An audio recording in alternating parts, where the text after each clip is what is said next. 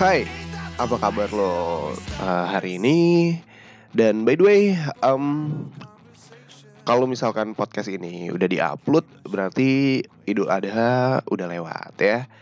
Pokoknya uh, gue mau ngucapin selamat hari raya Idul Adha uh, 141 Hijriah. Ya, kalau tidak salah. apa kabar lo? Hah? Hari ini um, banyak apa ya? Banyak yang udah pada beda ya. Ketika apa namanya? uh, era pandemi sekarang terus Idul Adha um, ya yang menyenangkannya adalah um, Idul Adha di tahun ini tuh long weekend ya Jumat uh, Sabtu Minggu jadi lumayan enak banget terasa liburnya tapi kalau ngomong-ngomong tentang libur di tahun 2019 kan gila tanggal merah tuh dikit banget. Ya tanggal merah tuh dikit banget.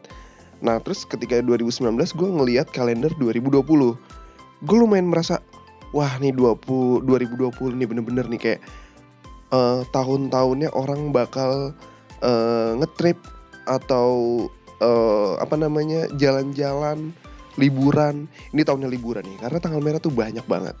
Tapi selamat datang Corona bangsat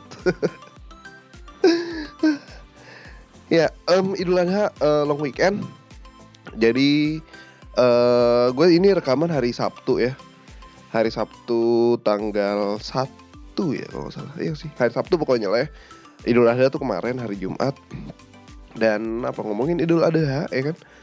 Um, motong hewan kurban sudah pasti.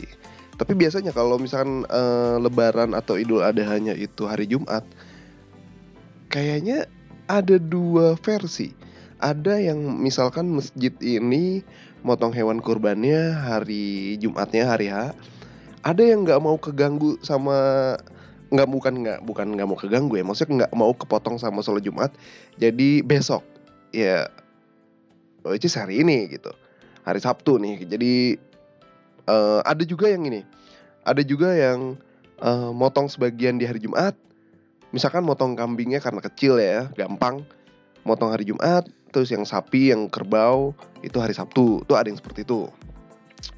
Um, udah gitu gini lucunya adalah mungkin dulu kalau misalkan gue terakhir terakhir ngelihat kurban motong kurban di masjid itu SMP apa SMA ya? SMA kelas 1 kali ya. Itu terakhir gue excited apa namanya excited ngelihat uh, hewan kurban dipotong. Dan waktu itu masih kayak yang nonton tuh rame banget. Yang lihat tuh rame banget. Kayak warga-warga sekitar masjid tuh pada nontonin ya kan. Nonton di black kulitnya segala macam kayaknya sekarang gue nggak tahu ya. Gue gue gue uh, tahun ini nggak lihat pemotongan kurban.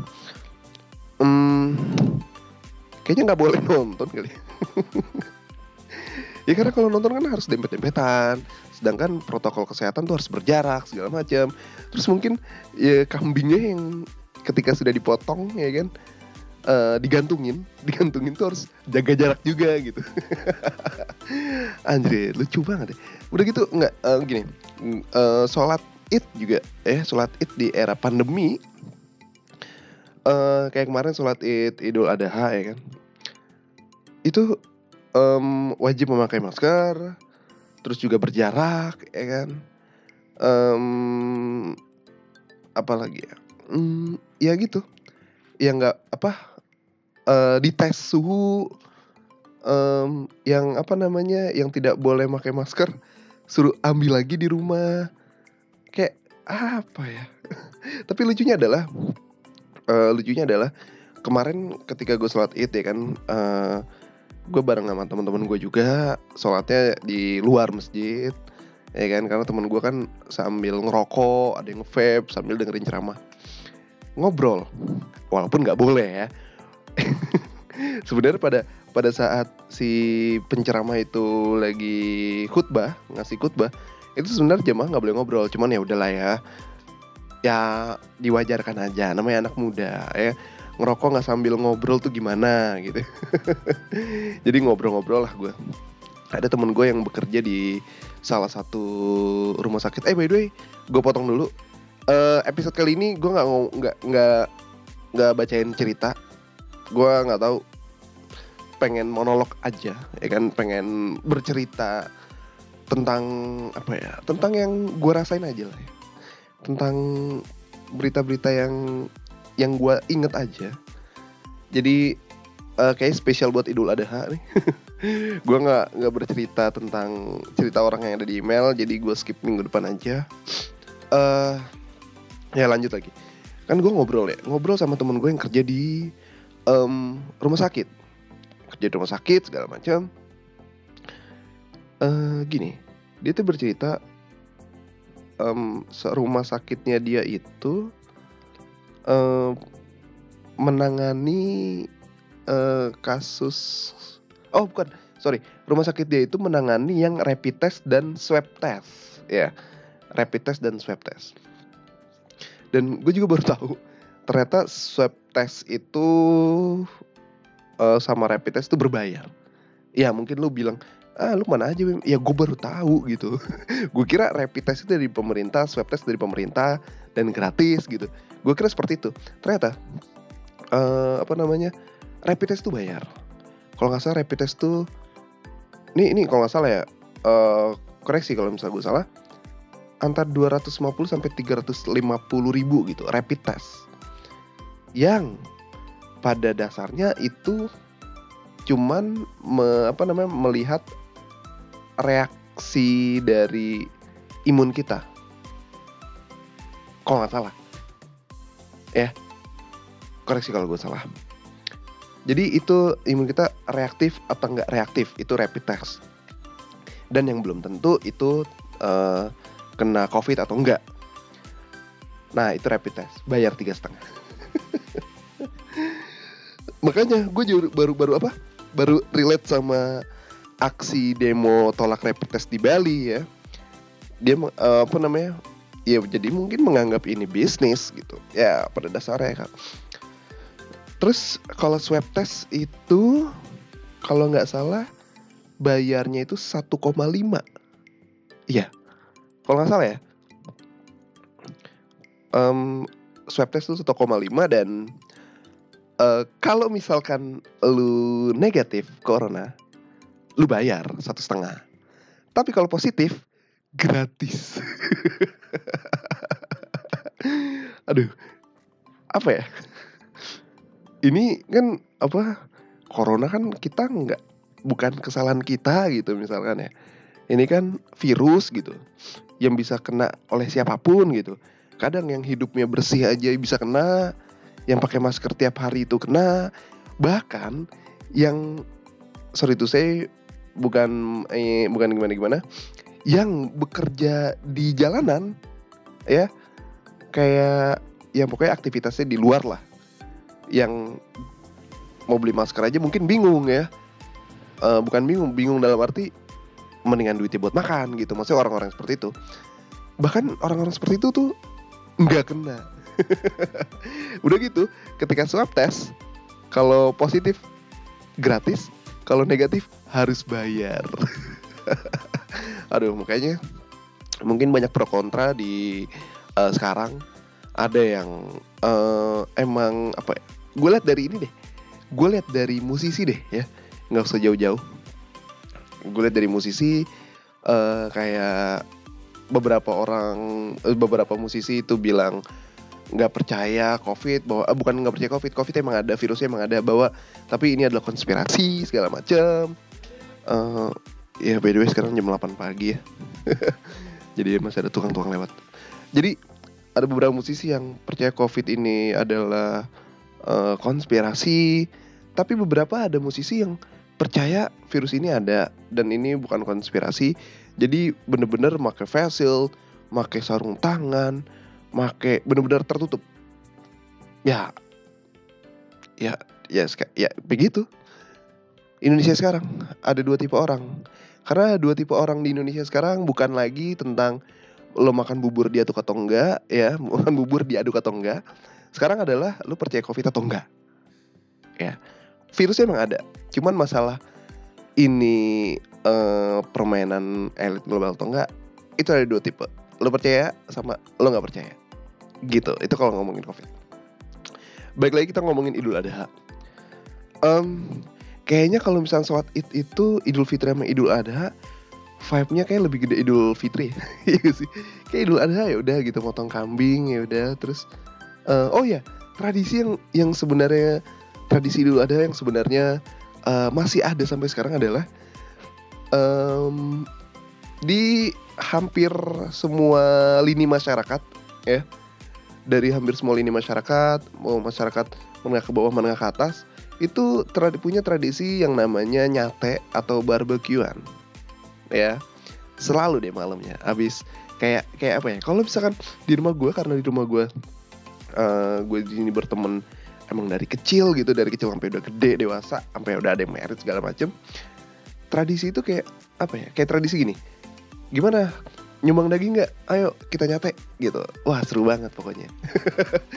Walaupun gue udah jarang ikutan tapi pas gue liat kemarin updatean teman-teman gue di instastory segala macam masih uh, apa namanya masih melakukan tradisi itu yaitu nyate. Jadi ngumpul banyak ya gue ngerti itu mereka tidak menerapkan protokol kesehatan tapi kayaknya tubuhnya pada kuat-kuat ya um, masih melakukan tradisi itu dan gue juga lewat beberapa jalanan beberapa jalanan di komplek di perkampungan gue lewatin sama ya. Mungkin bedanya lokasinya aja. Biasanya kalau misalkan itu kan di depan rumah segala macam mungkin orang yang kaya tuh di belakang rumah di backyard ya.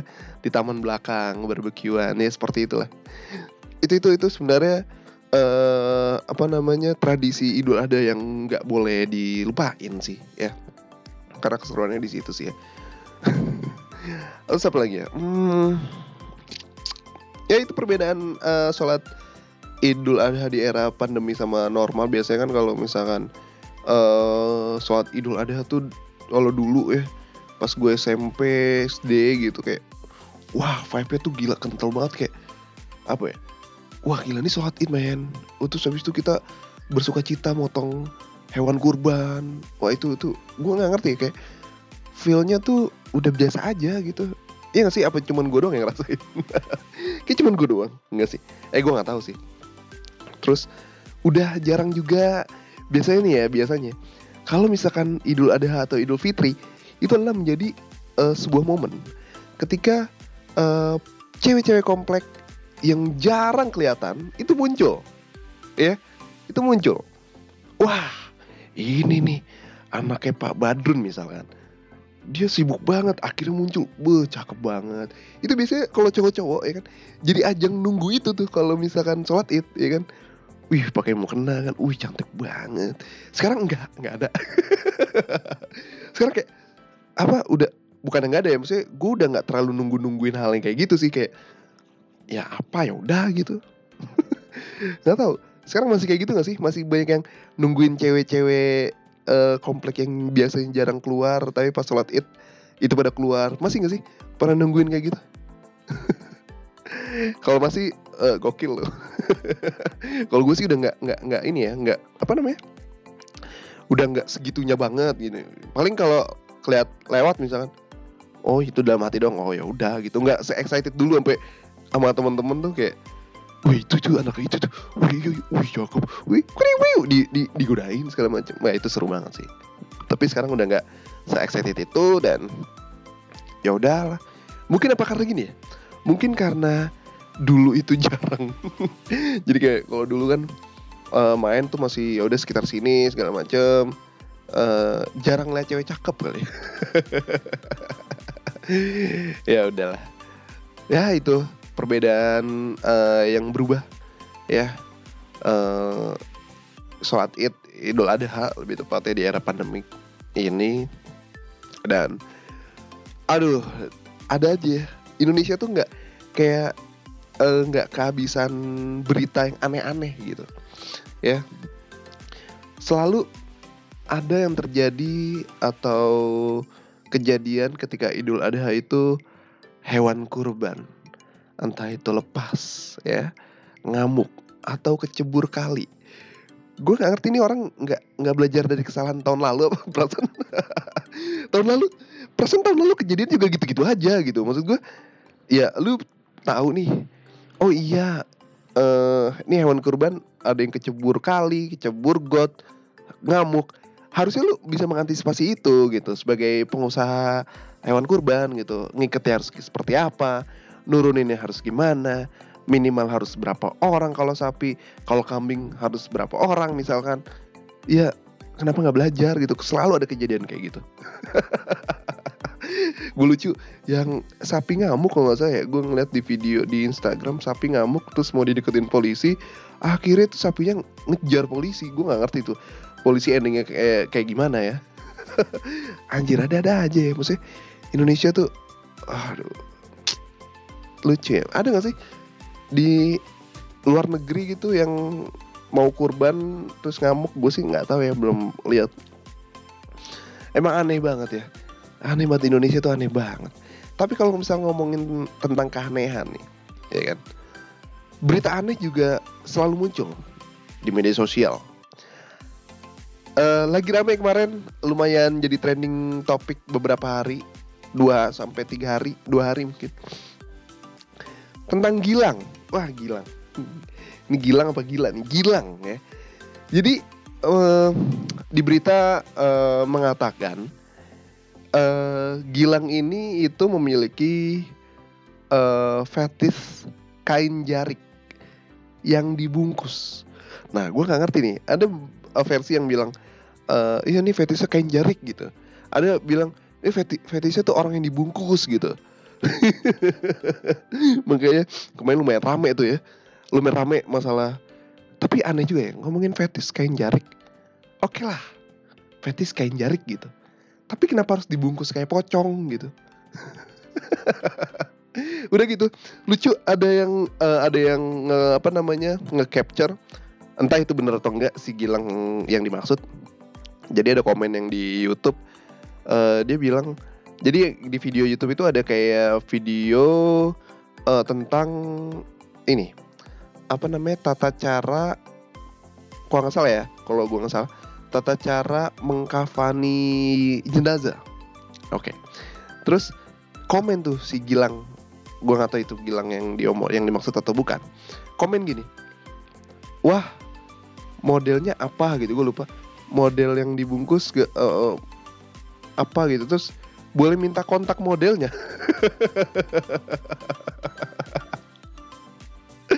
maksudnya, maksud, mungkin maksudnya gini ya, kenapa dia meminta kontak model ya? Karena hanya orang itu, hanya orang itu yang di video tersebut yang mau rela dibungkus. Which is itu adalah fetishnya dia. Terus uh, apa namanya? Dengan embel-embel dia bilang sebagai peneliti uh, dari universitas mana gitu. Gue gue lupa. Gue takut salah sebut. Ya pokoknya dari universitas mana gitu peneliti apa gitu. Udah gitu ada yang uh, komen nge-capture. Lu tahu ini gak sih? Video-video azab yang pocong di kuburan itu. Terus komennya gini. Ini adalah video bokepnya segilang waduh.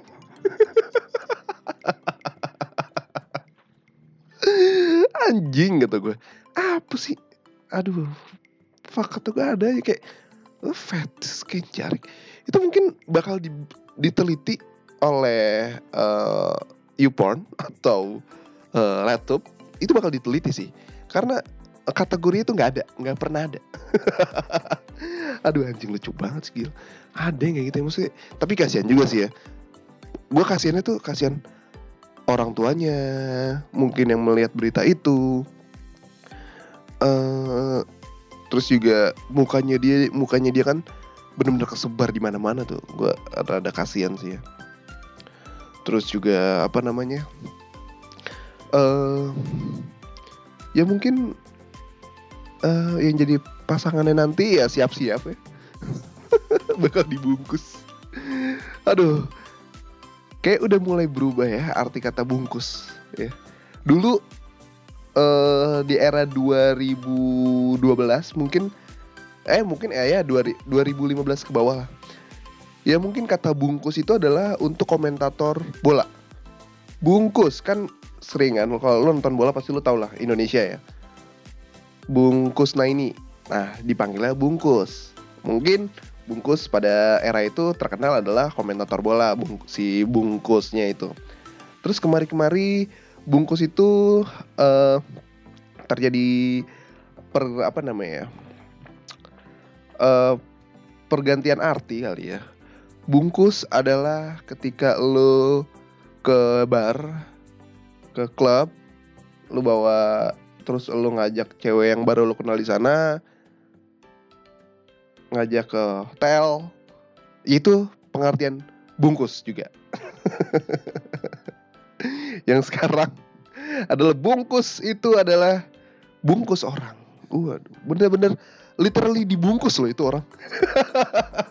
Cing lucu banget ya. Bener si Gilang tuh bener-bener bungkusnya itu bener ya literally dibungkus gitu. Nggak nggak dalam arti ngebungkus cewek cewek ya nggak gitu. Hanya lucu banget sih Gilang. Bangke. Anjing 20 menit ngomongin tentang segilang terus juga berita yang absurd lagi. Ah, kayak apa? Uh, eh, KKI katanya kakinya keinjek sapi. Fuck lu ngapain? Nggak nggak coba deh. Kalau misalkan dia keinjek sapi lu ngapain deket sapi sedekat itu gitu? Hah? Ngapain gue biar apa? Biar disangka anak gitu anak sapi anjing berita kinjak sapi gitu. Fuck lu ngapain? Lu maksud gue lu ngapain sedekat itu sama sapi gitu? Penting penting banget kata gue jempolnya katanya jempolnya keinjak sapi gue nggak ngerti. Mungkin gini mungkin awalnya mungkin uh, dia mau deket sapi oke sapi sapinya ngiranya itu anaknya. Ternyata pas dilihat wadaw bukan anak gue lu. Diinjek aduh nggak penting banget ya kayak tapi kalau ngomong-ngomong tentang KKI yang lagunya viral itu gue nggak ngerti Indonesia ya. Viral itu karena uh, mungkin banyak yang dibully banyak eh bukan banyak yang dibully banyak yang ngebully lagu tersebut. Ya kalau dari ngomongin tentang karya ya itu sebuah karya. Tapi kalau misalkan bilang dibilang bagus atau enggak itu relatif. Tapi kalau gue sih kurang suka. Kalau ngomong-ngomong tentang karya gue lagi suka banget sama lagunya ciptaan Lale Ilham Nino. Si yang nyanyinya si Reja Candika sama si ini. Aduh. Aduh gue lupa. Fotografer seringai. Rendra Renda. Renda Rais. Itu menurut gue anjing ini karya keren banget sih. Ya gue ngeliat dari segi musiknya easy listening dari segi liriknya bagus banget. Jadi orang yang mendengarkan bisa mengartikan dari banyak banget uh, arti gitu. Tergantung lo siapa lo yang membayangkan theater of mind yang bermain arti lagunya seperti apa. Dan mungkin gue ngeliat-liat proyek si uh, apa namanya Lale Ilham Nino ini ini keren sih menurut gue dari kemarin yang sebelumnya adalah dia ngerjain project bareng Dian Sastro yang which is bukan seorang penyanyi terus sekarang si Reja Candika uh, sama Renda Renda Renda Rais lagi-lagi bukan penyanyi tapi disuruh nyanyi. Dan menurut gue suaranya kalau dibilang suaranya bagus um, eh sorry suara bagus sih relatif. Tapi kalau misalkan nyanyi itu berteknik tidak berteknik tinggi ya. Jadi kayak Dian Sastro, Reja Candika, Renda Rais itu bernyanyi tidak memakai teknik bernyanyi yang uh, tinggi lah. Sekedar uh, bernyanyi nadanya dapet intonasinya pas jadi bagus. Itu menurut gue apa ya membuat orang-orang yang mendengarkan yang mempunyai suaranya itu yang nggak bisa nyanyi misalkan bukan gue ngomong nggak bisa nyanyi yang mungkin yang bernyanyi tapi tidak memiliki skill teknik bernyanyi yang tinggi itu pede untuk bernyanyi. Menurut gue seperti itu. Kayak gue misalkan gue nggak bisa nyanyi. Tapi ketika gue mendengarkan lagu itu gue nyanyi dan gue ngerasa eh kita sama gitu. Suara kita tuh kayak sama-sama tidak mempunyai skill teknik bernyanyi tinggi tapi kita tuh bisa bernyanyi gitu. Wah keren banget sih menurut gue. Gue malah malah melihatnya dari perspektif itu sih. Kenapa si Ilham uh, apa namanya Lala Ilham Nino itu bikin project kayak gini itu keren banget sih menurut gue asli. Gue salut gue gue dengerin lagu itu sehari itu bisa gue ulang tiga kali kali. Karena musiknya easy listening uh, arti lagunya keren dalam menurut gue dalam banget. Dalam banget sih keren keren lah. Lu cek aja pokoknya. Sampai kapan kalau nggak salah judulnya sampai kapan itu keren. Walaupun dari segi bikin apa namanya uh, apa uh, video klipnya uh, simple tapi keren ya. Kreatif lebih uh, lebihnya kreatif lah. Gue ngomong itu video kreatif banget. Apalagi um, tadi udah oh ya by the way uh, buat lo yang um, anak Netflix banget ya. Anak Netflix banget ada dua tipe juga. Anak Netflix ada yang eh, nggak uh, suka season panjang-panjang ada yang cuman suka uh, satu film kayak film doang ada yang suka episode pendek-pendek ya. Dan emang rada nyebelin sih ya kalau misalkan ngomongin tentang uh, film yang episode tuh panjang-panjang yang nggak kelar-kelar ya Allah. Gue lagi nonton ini sih ya. Uh, film lama sih uh, Prison Break. Dan ini anjing season satunya tuh sampai 20 episode. Bayangin aja. Season 1 tuh sampai 20 episode dan itu ada 5 season. Satu seasonnya 20 episode. Gila sih menurut gue kepanjangan sebenarnya yang enak itu adalah kalau kalau ngomongin tentang season dan episode ya. Uh, Kingdom. Kingdom tuh menurut gue pas ya. Kingdom menurut gue pas. Dari segi satu season itu cuman berapa episode dan cuman dua season itu menurut gue pas. Itu film yang menurut gue lebih mengedepankan kualitas jadi padat uh, bagus dan keren menurut gue itu Kingdom oke. Okay, menurut gue dari segi uh, jumlah episode ya dan seasonnya dari segi segi cerita juga bagus. Eh uh, apa lagi? Dark. Dark menurut gue panjang sih. Bikin pusing. Gue belum selesai juga tuh Dark. Dark uh, terus apa lagi ya? Oh iya. Money Heist. Money Heist juga lu menurut gue dia seasonnya panjang. Cuman karena mungkin dibikin partnya itu seru jadi orang uh, bakal ngikutin sampai habis. Tapi kalau ngomongin tentang uh, Money Heist Money Heist beritanya akan siap merilis season 5 wow. Jadi buat lu yang fansnya Nairobi Nairobi udah meninggal ya. Uh, fansnya Tokyo fansnya proses uh, prosesor tuh profesor. Terus juga siapa sih lagi namanya? Um, Lipson ada eh, Lisbon. Terus siapa lagi ya? Uh, ya itulah pokoknya. Siap-siap ya karena Manihes bakal uh, meluncurkan season 5 nya gue belum tahu kapan. Pokoknya covernya tuh cover uh, topengnya dia. Kayak sih bakal gue ngeliat dari dari posternya itu topengnya tuh kayak jatuh. Berarti akhirnya maksud itu mungkin berakhir terus retak-retak gitu topengnya mungkin gue nggak tahu ya apakah dia menang atau kalah gue nggak tahu. Ya gue juga penasaran bakal gue nonton Money Heist. By the way juga Money itu adalah film yang uh, bikin gue akhirnya berlangganan sama Netflix. Ya gue baru berlangganan sih. Sekitar baru setahun. Baru setahun gue nonton Netflix. Dan itu salah satu film yang um, bikin gue untuk ya udahlah gue mau nonton Netflix aja. Pas banget ya Netflix gue nonton Netflix terus di tahun tahun ini pandemi muncul tuh kayaknya Netflix film-film uh, seperti itu laku gitu ya.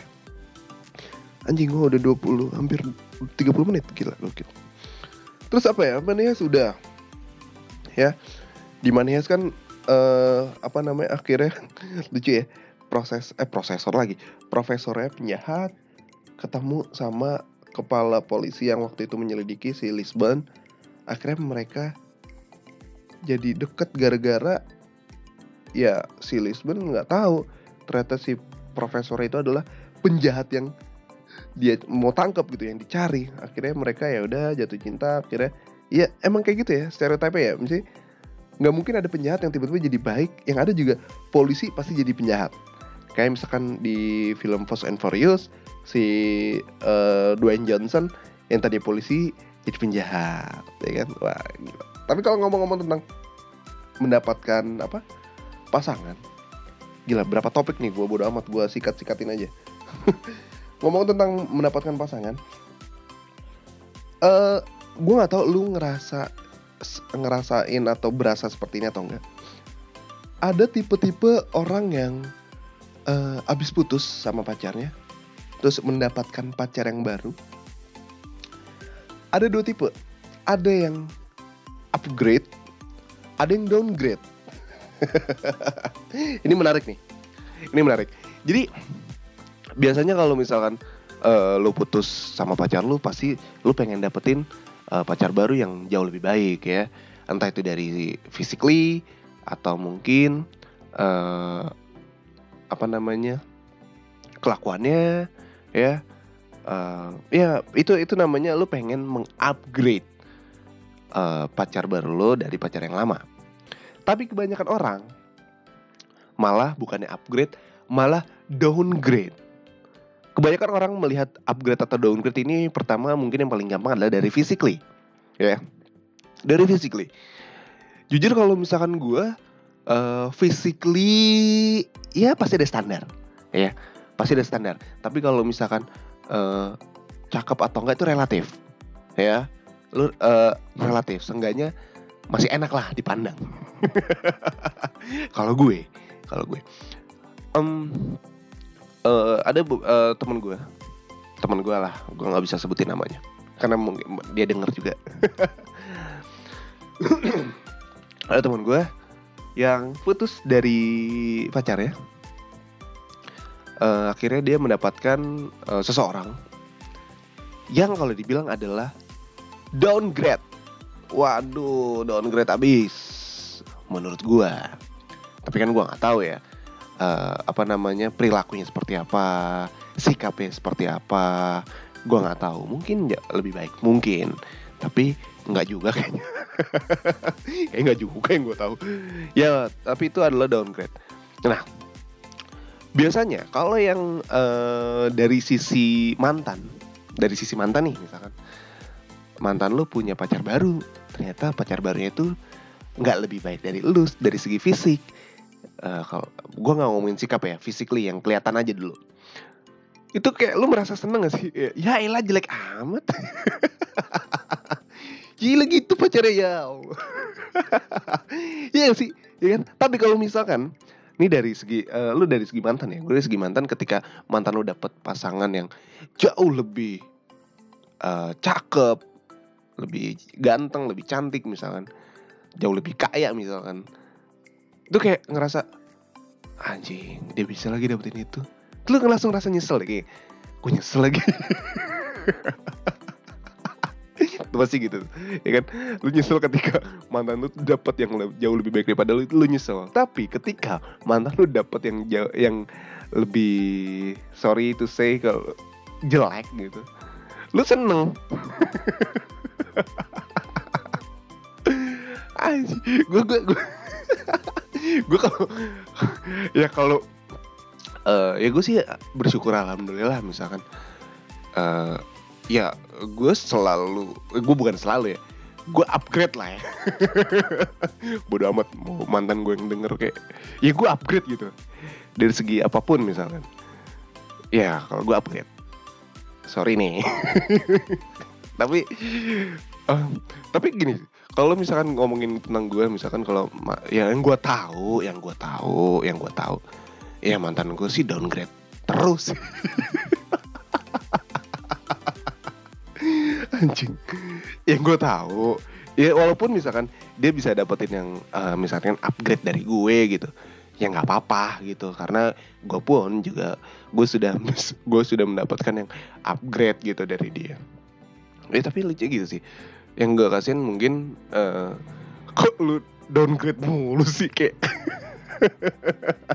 Tapi kan itu perspektif gue ya. Gue nggak tahu kalau dari perspektif ya mungkin yang dia bilang itu adalah upgrade ya oh mbok silakan gitu.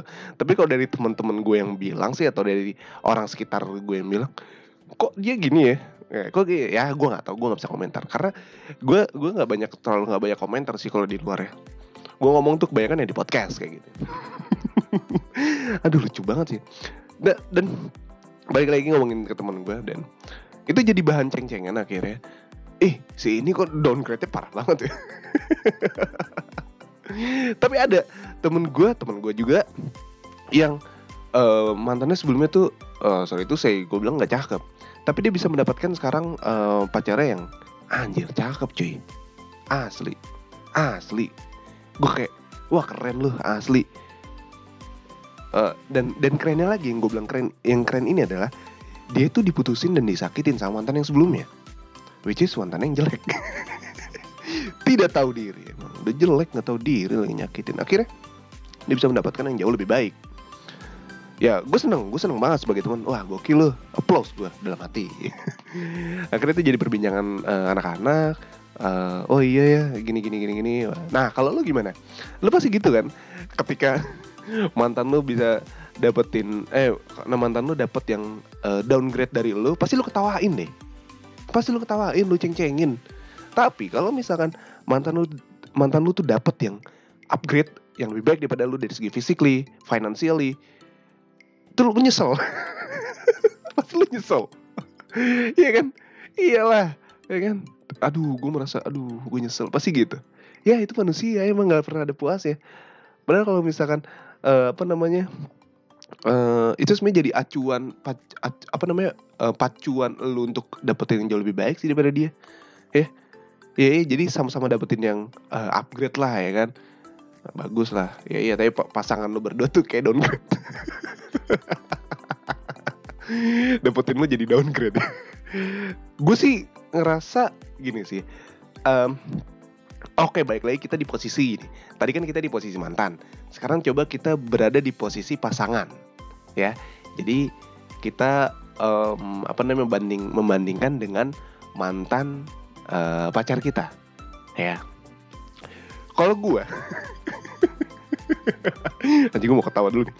Kalau gue sepertinya uh, dari segi sisi finansial, pacar gue downgrade ke gue. anjing iyalah sekarang gini uh, jadi uh, cewek gue tuh punya mantan waktu itu sih tapi sekarang mungkin udah jadi waktu itu masih uh, apa sih sekolah. Sekolahnya sekolahnya sekolah. Mau tau sekolah apa? Sekolah pilot. Sekarang jadi pilot mungkin udah lulus. Terus dapetin gue. Siapa sih nih? Ah podcaster. Dari segi dari segi sisi finansialnya udah beda downgrade. Tapi ya bersyukur gue ya. Bersyukur masih ada yang menerima. Aja lucu banget. Uh, apa namanya mungkin cewek gue downgrade ke gue tapi gue sih selalu pede sih. Gue selalu pede sama uh, maksud gue ya mungkin semua orang mungkin akan pede dengan dirinya sendiri. Nggak apa-apa dong ya. Nggak apa-apa lah. Gue selalu pede bahwa uh, ah seenggaknya gue dari segi physically uh, cewek gue nggak downgrade banget lah ya kan. Upgrade lah ya itu menurut gue ya kan? Nggak apa-apa dong. Menurut opini gue sendiri untuk gue sendiri penilaian buat gue sendiri nggak apa-apa. Mau bilang gue upgrade kayak ya terserah gue gitu. Coba ya kalau misalkan lo jadi posisi si pasangan uh, si menjadi pasangan lo membandingkan dengan mantan si pacar lo apakah lu up, uh, upgrade lu upgrade-nya dia atau lu ternyata malah jadi downgrade-nya dia? Yang bikin minder adalah ketika uh, lu itu downgrade dari se, uh, dari uh, sisi finansial. Wah itu minder sih. Asli gue pernah di posisi itu sih. Tapi ketika lu punya uh, sesuatu yang berbeda yang jauh lebih baik itu lu pasti nggak uh, begitu minder. Entah dari sikap mungkin dari jauh lebih baik atau dari physically yang jauh lebih cantik ya kan? Uh, misalkan kalau lu cewek ya tapi kalau lu cowok mungkin lu lebih ganteng daripada mantannya uh, cewek lu itu ada masih ada sisi yang bisa dimaafkan gitu. Tapi kalau misalkan lu downgrade semua sih ya udah masih syukur lu diterima. Gitu. Tapi uh, yang paling sering yang paling sering terjadi adalah uh, si cewek ini masih yang yang gue tahu ya tapi gua, mungkin mungkin di luar sana juga ada yang uh, kebalikan dari ini. Yang yang sering terjadi adalah ketika si cewek ini memutuskan cowoknya yang uh, cakep lah dibilang. Dengan memilih cowok baru yang uh, biasa aja. Yang nggak jauh nggak nggak lebih cakep daripada mantannya lah. Tapi lebih kaya pastinya dong. Itu biasanya cewek kayak gitu. Tapi gue nggak tahu ya kalau lo gue nggak ngerti ya um, uh, kalau cowok nih dari sudut pandang cowok ya dia pengen terlihat oleh teman-temannya tuh punya cewek yang wah cakep banget dia nggak apa-apa nggak kaya gitu. Kalau cowok ya punya cewek wah cakep banget men. Pengen sama teman-temannya tuh bilangnya gitu. Tapi kalau cewek beda. Cewek pasti ngelihatnya. Ya mungkin physically juga. Tapi lebih ke wih gila tajir banget tuh brengsek emang. Kayak gitu perbedaannya. Yang gue tahu. Terus apa lagi? Oke. Ketika lu mungkin uh, apa namanya lu menjadi upgrade-nya si pasangan lu lu pasti bangga. Lu pasti seneng pasti lu ngecengin mantannya terus pasti. Tapi ketika lu downgrade uh, menjadi downgrade ya pasangan lu lu minder minder minder minder ya. Nggak bakal berani mau ngomongin mantannya dia. Mau apa? Nggak bakal menang nggak bakal. Nggak bakal menang.